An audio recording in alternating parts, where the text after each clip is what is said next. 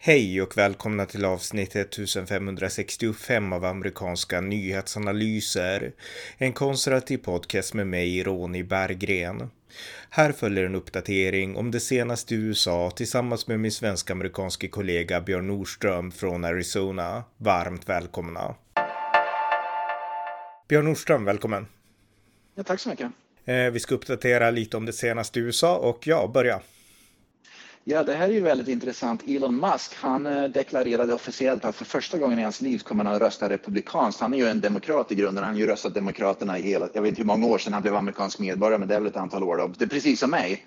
Jag är egentligen demokrat i grunden med, men inte längre. Det är omöjligt att vara en demokrat om man är en normal människa i USA ungefär, därför att demokraterna har ju liksom hamnat långt ut vänster. Men två dagar, två dagar efter att Elon Musk eh, eh, officiellt gick ut och sa att han kommer rösta republikanskt i år så blev han anklagad av en flygvärdinna för sexuella trakasserier. Så nu har han omedelbart hamnat i den här metoo-rörelsen med. Och då vet jag inte om det hur mycket sanning det ligger i det här och så vidare. Men nu, hans svar var att om han har trakasserat henne sexuellt när hon då har till och med har sett hans könsorgan. Han sa att jag utmanar dig och säg någonting om, om hur jag ser ut under kalsongerna som är unikt för mig.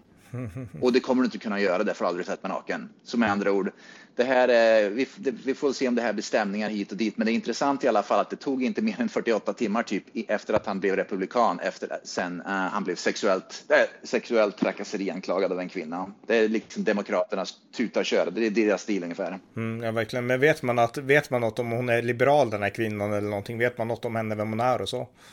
Ingen aning just nu, men det kommer ju framkomma allt det där. Men san, jag, jag, vet faktiskt inte vem det är. Vi får se. Men mm. det är intressant i alla fall att och han, det var någon som sa det också. Jag tror det var Musk själv som sa det i något uttalande eller vad det nu var, något tweet eller något sånt där. Jag minns inte riktigt, men att det ungefär som att det tog inte lång tid innan jag blev republikan förrän, förrän jag hamnade i metoo-rörelsen. Mm, Eh, vi nämnde ju en tidigare podd, eh, Vita husets nya pressekreterare Karine Jean-Pierre. Eh, en svart kvinna som är lesbisk och hon har blivit sågad totalt av Fox News och på många andra konservativa medier för att hon är riktigt yeah. dålig. Och jag har inte sett någon hel presskonferens, men jag har sett inslag och det är att hon sitter och läser innantill i en perm som hon har på bordet. Och hon pratar om sig själv som så unik för att hon är svart, hon är lesbisk, hon är kvinna och det är så unikt och sådär. Och hon verkar yeah. helt enkelt vara, Jens Saki var ju helt okarismatisk faktiskt. Och jag menar jämför med Trumps pressekreterare, Kellyanne McEnany och alla de här, alltså var ju, de var ju stjärnor liksom. Sen kom Jens Saki ja. som var torr som en boll, men hon var ändå, ja, ja. jag vet inte om hon var kunnig, men hon lät professionell i alla fall på sin röst. Men alltså, hon hon var en slags droid, ungefär en robot som, som sa det hon skulle ungefär, för att, för att hela tiden, Biden klövade till sig, han liksom klantade till det hela tiden och hon var tvungen att städa upp. Exakt, men den här nya Karine Jean-Pierre, hon är mer, alltså som en skolflicka som försöker hålla någon slags föreläsning för klassen ungefär, var någon som sa. Och av det lilla jag såg så är jag beredd att instämma. Jag såg faktiskt, jag var tvungen att slå, jag såg en presskonferens med henne men jag var tvungen att avsluta, det var så pinsamt. För hon gav sådana förvirrande svar. Att, att, att hon kunde inte ge ett enda svar som var på något sätt rakt på sak. Hon, hon liksom började blanda ihop, hon ändrade svaret. Det var, det var pinsamt alltså. Det var, ja, det, det, var, det är svårt att säga, hitta några bättre ord än att det var en pinsamhet. Hur oförberedd hon var, hur hon kunde inte formulera sina tankar in till liksom, artikulera dem till, till liksom vettiga meningar som folk begriper. Och hon ändrar sig helt plötsligt mitt i en mening och så vidare. och så vidare. Så att, men hon har ju rätt hudfärg, rätt sexualitet, rätt kön och så allt det där. Hon har ju liksom checkat av alla de där box, liksom här, eh, check the boxes då för att man ska då bli Demokraternas representant och i Vita huset i presskåren då. Mm. Och jag såg också det att det är ju inte saken bättre att om man går och tittar på att hon har ju ett historia, det finns ju mycket som helst på, kan man hitta på Youtube med, av att ha rasist, rasistanklagat var och varannan republikan och var och varannan amerikan ungefär som inte är vänster, äh, ute på vänsterkanten. Alltså hon, mm. hon har oerhört, en lång historia av ras, det, de är rasistiska, de är rasistiska, de är rasistiska, allt och alla är rasister som inte röstar på Bernie Sanders ungefär.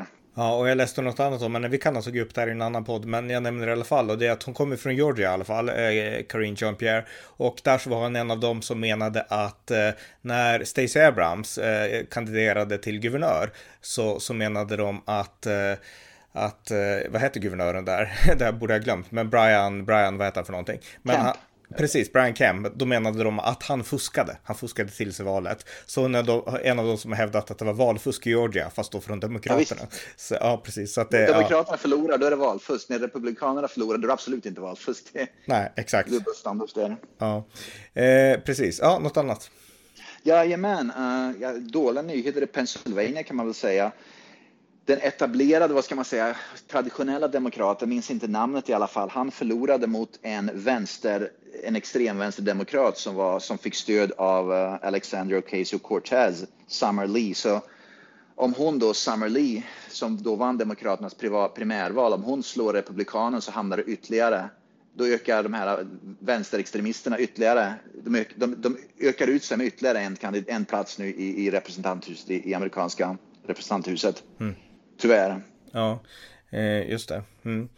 Eh. Men jag förutsätter att de vinner, så jag hoppas att, att folket i det valdistriktet i Pennsylvania har, har, har, är smartare än så helt enkelt. Ja, precis.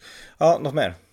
Jajamän goda nyheter här. Title 42, en federal domare har i alla fall dömt att eh, de här restriktionerna då som var med andra ord det sista som kan stoppa illegala invandrare från att vad ska man, invadera USA i, i stora mängder. Då. Det är det här Title 42 som har att göra med pandemin, då, att man ska stoppa dem på grund av att, det är en pandemi.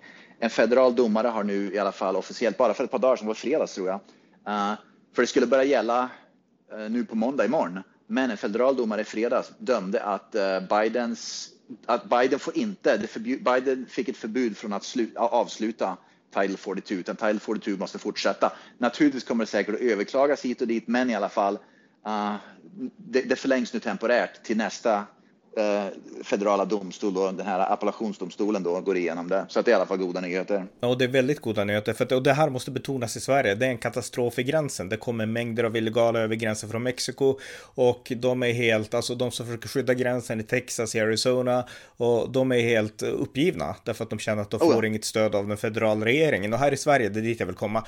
Det tas inte upp här. Jag menar, här kan vi prata om att oj, vad fruktansvärt med hybridkriget från eh, Vitryssland i höstas när de försökte skicka illegala illegala immigranter till Europa. Det fattar ju alla här. Det var ingen som gick emot det här för alla såg att det här var fel. Det, liksom, det är fel. Men eh, det är samma sak som händer i USA och ännu fler som kommer dit såklart. Då. Och eh, här så är det mer som att ja, men det är klart de måste få komma in, alltså som det rapporteras i Sverige och är man emot att de kommer in då är man lite rasistisk och då är man, då är man som Donald Trump och så vidare. Så jag menar, det finns ingen förståelse i Sverige för den verkliga problematik som amerikaner vid gränsen utsätts för. Så att jag såg också inslag på många som bodde vid gränsen att de var väldigt lättade över att okej, okay, vad skönt yep. att Title 42 kvarstår ett tag till i alla fall. Ja, jag såg bilder, var det El Paso, Texas, tydligen El Paso, Texas. Jag åkte, jag åkte förbi det flera gånger, bland annat i uh, julas när vi, när vi bilade från Vermont till Arizona så åkte vi igenom uh, El Paso, Texas. Då åker man alldeles vid muren. Man åker alldeles vid, förbi, man ser liksom muren på 50 meter avstånd ungefär. Va? Mm. Men jag såg bilder nu som, som bara var för några dagar sedan och det var ju då horder, jag vet inte hur många hundratals, det, jag kan inte ens räkna, av, av illegala immigranter som stod på andra sidan muren då, eh, det stängselstaketet då, på Mexikosidan och bara väntade på en möjlighet förmodligen att ta sig över illegalt. Va? De liksom bara, det, det, och det kom ju fler folk, liksom fler illegala dit konstant då. Va? Så att jag har svårt att se om inte USA verkligen börjar ta tag i det här, att, att hur det här kommer att kunna stoppas alltså, för de, de har ju radat upp sig nu i tusentals och det är inte bara El Paso utan det är hela efter hela gränsen. Va? Det är, det är, jag vill inte använda ordet invasion, men det är fasen inte långt därifrån och när man tittar på bilder vad som pågår faktiskt vid gränsen. Och när alla de där så svämmar över till USA vad ska de göra? De får inte jobba eller någonting legalt. Så vad händer då? Naturligtvis så börjar man då med brott, därför att det är det enda sättet när man väl börjar svälta och blir hungrig, va? då måste man ju skaffa mat. Mm. Om man inte får jobba, har inga pengar, vad gör man då? Ja, då går man ju själv och till sist börjar råna människor och så vidare. Va? Det är det det kommer att handla om till sist. Ja, det här är en fruktansvärt, alltså och, och driva den här politiken som Demokraterna gör, det är att låta, det, man kör över sitt eget folk när man gör så här och det, det är fruktansvärt på alla sätt. Ja, och, och det de inte som Demokraterna vägrar att erkänna, de stora förlorarna på den här massiva illegala invandringen, det är, det är fattiga latinamerikaner och fattiga svarta. De minoriteter som är fattiga i USA är de stora förlorarna därför att människor med pengar och människor som är medelklassen, vi bor i finare områden, vi bo, många bor i gated communities, vi kan liksom gömma oss för det här för att vi har ekonomiska resurser för att kunna ta, göra sånt. Va? Men fattiga människor, vilket ofta är tyvärr latinamerikaner här och, och, och, svarta, de har inga resurser, de, kan, de saknar ofta resurser, mm. utan de är de som istället för att kunna få ett jobb, då går jobbet till en illegal invandrare, för det finns alltid någon som vill anställa svart arbetskraft och så vidare. Va? Så Demokraternas politik straffar faktiskt omedelbart ill, eh, eh det här med invandring, illegal invandringspolitiken, va? bestraffar eh, framförallt svarta latinamerikaner Och, så att är det någon som är rasistisk här i USA, det är det Demokraterna som bestraffar sin egen minoritetsbefolkning för att de vill då ha in en massa illegala immigranter. Mm, mycket viktigt påpekande. Eh, nästa sak som är i nyheterna, eh, i synnerhet på konservativa nyheter, det är att nu har det verkligen kommit uppgifter om att Hillary Clinton gav tummen upp för Russiagate, alltså hela de här anklagelserna ja. om att Donald Trump hade fifflat med Ryssland och att han var rysk spion och så vidare. Och vi vet ju att eh, liksom Russiagate, John Durham, specialåklagaren, hans utredning kom fram till att Russiagate är ett påhitt och eh, det fanns ingen liksom hemlig pakt mellan Ryssland och Trump.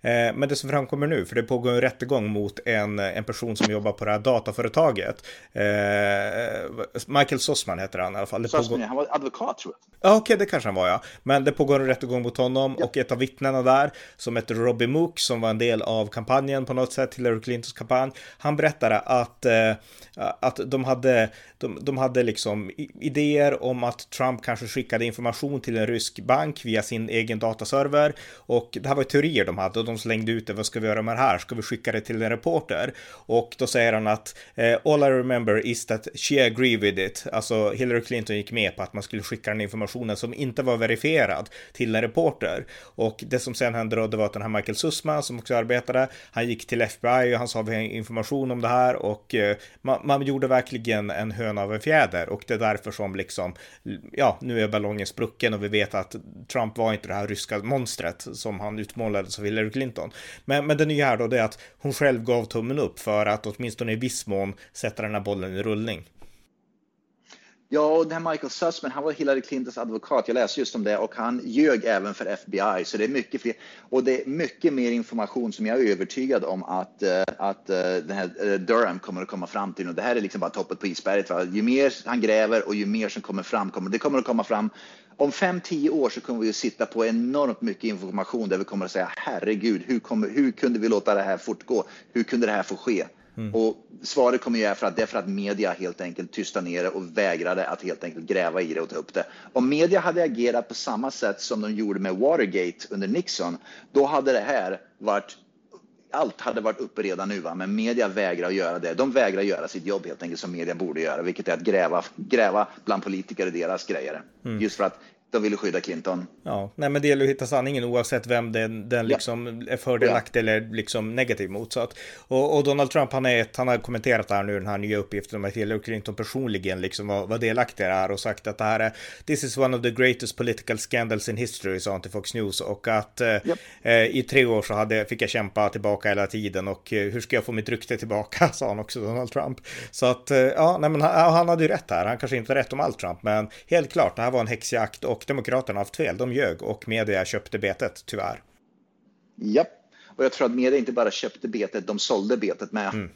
Ja, så var det ju. En sak till innan du får fortsätta det är att eh, New Yorks tidigare borgmästare Bill de Blasio, han har ju, ja, han är pensionerad kan man säga då. Han har fått, eh, ja, Eric Adams är ju den nya borgmästaren och eh, han har nu insett att han vill fortsätta med politik så han kommer nu att kandidera till kongressen till representanthuset för New Yorks tionde kongressdistrikt och han pålyste det på MSNBCs Morning Joe den 20 maj och sa att jag har mycket erfarenhet som jag kan bidra med saker.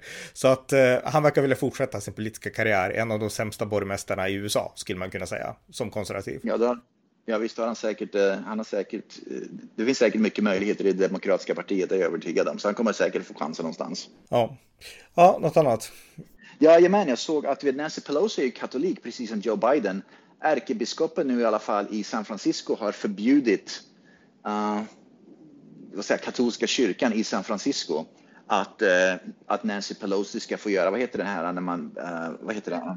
Ja, ta uh, Holy Communion, det här Mm. Precis, därför att hon är helt enkelt för aborter. Frågan är nu, det här är ju intressant alltså, kommer någon katolsk ärkebiskop att förbjuda Joe Biden med? Det är en intressant fråga. Därför att Joe Biden och Nancy Pelosi går ju rakt emot den katolska kyrkans tro. Va? Så att Nancy Pelosi i alla fall får inte göra eh, Holy Communion i, i San Francisco nu i kyrkan. Så när ska man då ta upp det här med Joe Biden? Det är bara en in, intressant observation att, att uh, kyrkan börjar lite smått ta ställning till, till det här nu i alla fall i den katolska kyrkan. Ja, ja det är intressant. Ja, något mer? Ja. Hunter Biden i alla fall, vi har ju snackat mycket om hans laptop, NBC News, vilket också var precis som, precis som New York Times och Washington Post och Politico har även nu eh, NBC News har erkänt att, att det var mycket skit som har pågått med Hunter Bidens laptop som de vägrade erkänna länge. Så den ena etablerade vänsterliberala medien efter den andra går ut nu och erkänner att jo, det var mycket skumt som pågick. Vi vägrar rapportera om det. Vi, vi gjorde ingenting, bla bla bla. Så den, den ena efter den andra börjar pula nu och sa att ungefär som att Fox News och Donald Trump hade rätt och vi hade fel. Ja, och på tal om det så såg jag en intervju med eh, den här reparatören. Han lämnade, allt började med att han lämnade in sin dator till ja. reparatör och reparatören ja. heter John Paul McIsaac och han intervjuades på Fox News. Jag såg intervjun idag och han berättade att han försökte lämna in den här till FBI, men de var inte intresserade. Sen efter ett tag så, ja, då kom de och hade husrannsakan och allting och eh, sen så visade det sig att de, de tonade ner hela och tyckte att liksom låt bli det här och sådär. Så att det var en nedtoning tyckte han också, för även från FBI sida. Så att eh, ja. Ja, jag med, okej. Okay. Ja. ja, något mer? Ja, men det är ganska roligt det här, men vi pratar ju om det här att, att uh, det, det, det, är ju samma snack i Sverige med att, att ungefär som att män, att vänsterliberaler går ju på så att män uh, att även män då kan göra aborter och så vidare och att män kan bli gravida. Det är i alla fall inte sant, för Demokraterna har ju ofta gått ut och sagt att det är partiet, eh, vi är partiet av, vi är, vi är det we are the party of science, vi är det vetenskapliga partiet va? och det har ju med pandemin att vi följer vetenskapen. Och det var en slags vänsterliberal demokratisk aktivist nu i kongressen som, som testified för några dagar sedan och, och pratade om att män, män kan bli gravida och män kan göra abort. Och det är ganska komiskt just med att å ena sidan så snackar de om att män kan bli gravida, män kan göra abort och sen så hävdar de att vi är det partiet som följer vetenskapen ungefär. Medan republikanerna som inte tror att män kan bli gravida och män kan inte göra abort. Det är partiet som inte, enligt Demokraterna, då, följer vetenskapen. Det, det är ganska rolig paradox i hela där i alla fall. Jag förstår liksom inte hur de ska kunna slingra sig ur det där, men där är vi i alla fall. Det, det vetenskapliga partiet som följer vetenskapen går ut nu med, med aktivister som säger att män, män, män ska också kunna få göra abort om de behöver, inte bara kvinnor som gör abort längre. Ja, det har att göra med de här post, postmoderna socialistisk-teorierna där allt blir relativt. Så att, ja, eh, precis. Ja. Det är ganska roligt att de pratar om att vi är, parti, vi, vi är partiet som följer vetenskap. Och det, de, det sista de gör är att följa vetenskapen när det handlar om just sådana där saker. Ja, verkligen. Eh, gällande partierna då så har CBS gjort en undersökning som visar att eh, eh, det stora nyckelordet i väljarnas syn på Demokraterna, det är att man betraktar Demokraterna som svaga, 51 procent anser det. Men Republikanerna, de har också sin last därför att hela 54 procent att anser att nyckelordet för att beskriva rep Republikanerna är ordet extrema. Så Demokraterna dras med ordet svaga och Republikanerna med ordet extrema, enligt CBS News. Ja. Jag undrar, det skulle vara intressant att veta om det ordet extrema, hur mycket det ökade efter det här Uh, ryktet då att eventuellt HD kommer att, att förbjuda Roe vs Wade, det här abortförbudet. Va? Mm. Undrar om det där bygger på att helt plötsligt så det har ökat på den här siffran eller inte. Skulle kunna vara så, jag vet inte, men det, det låter sannolikt. Japp. Mm.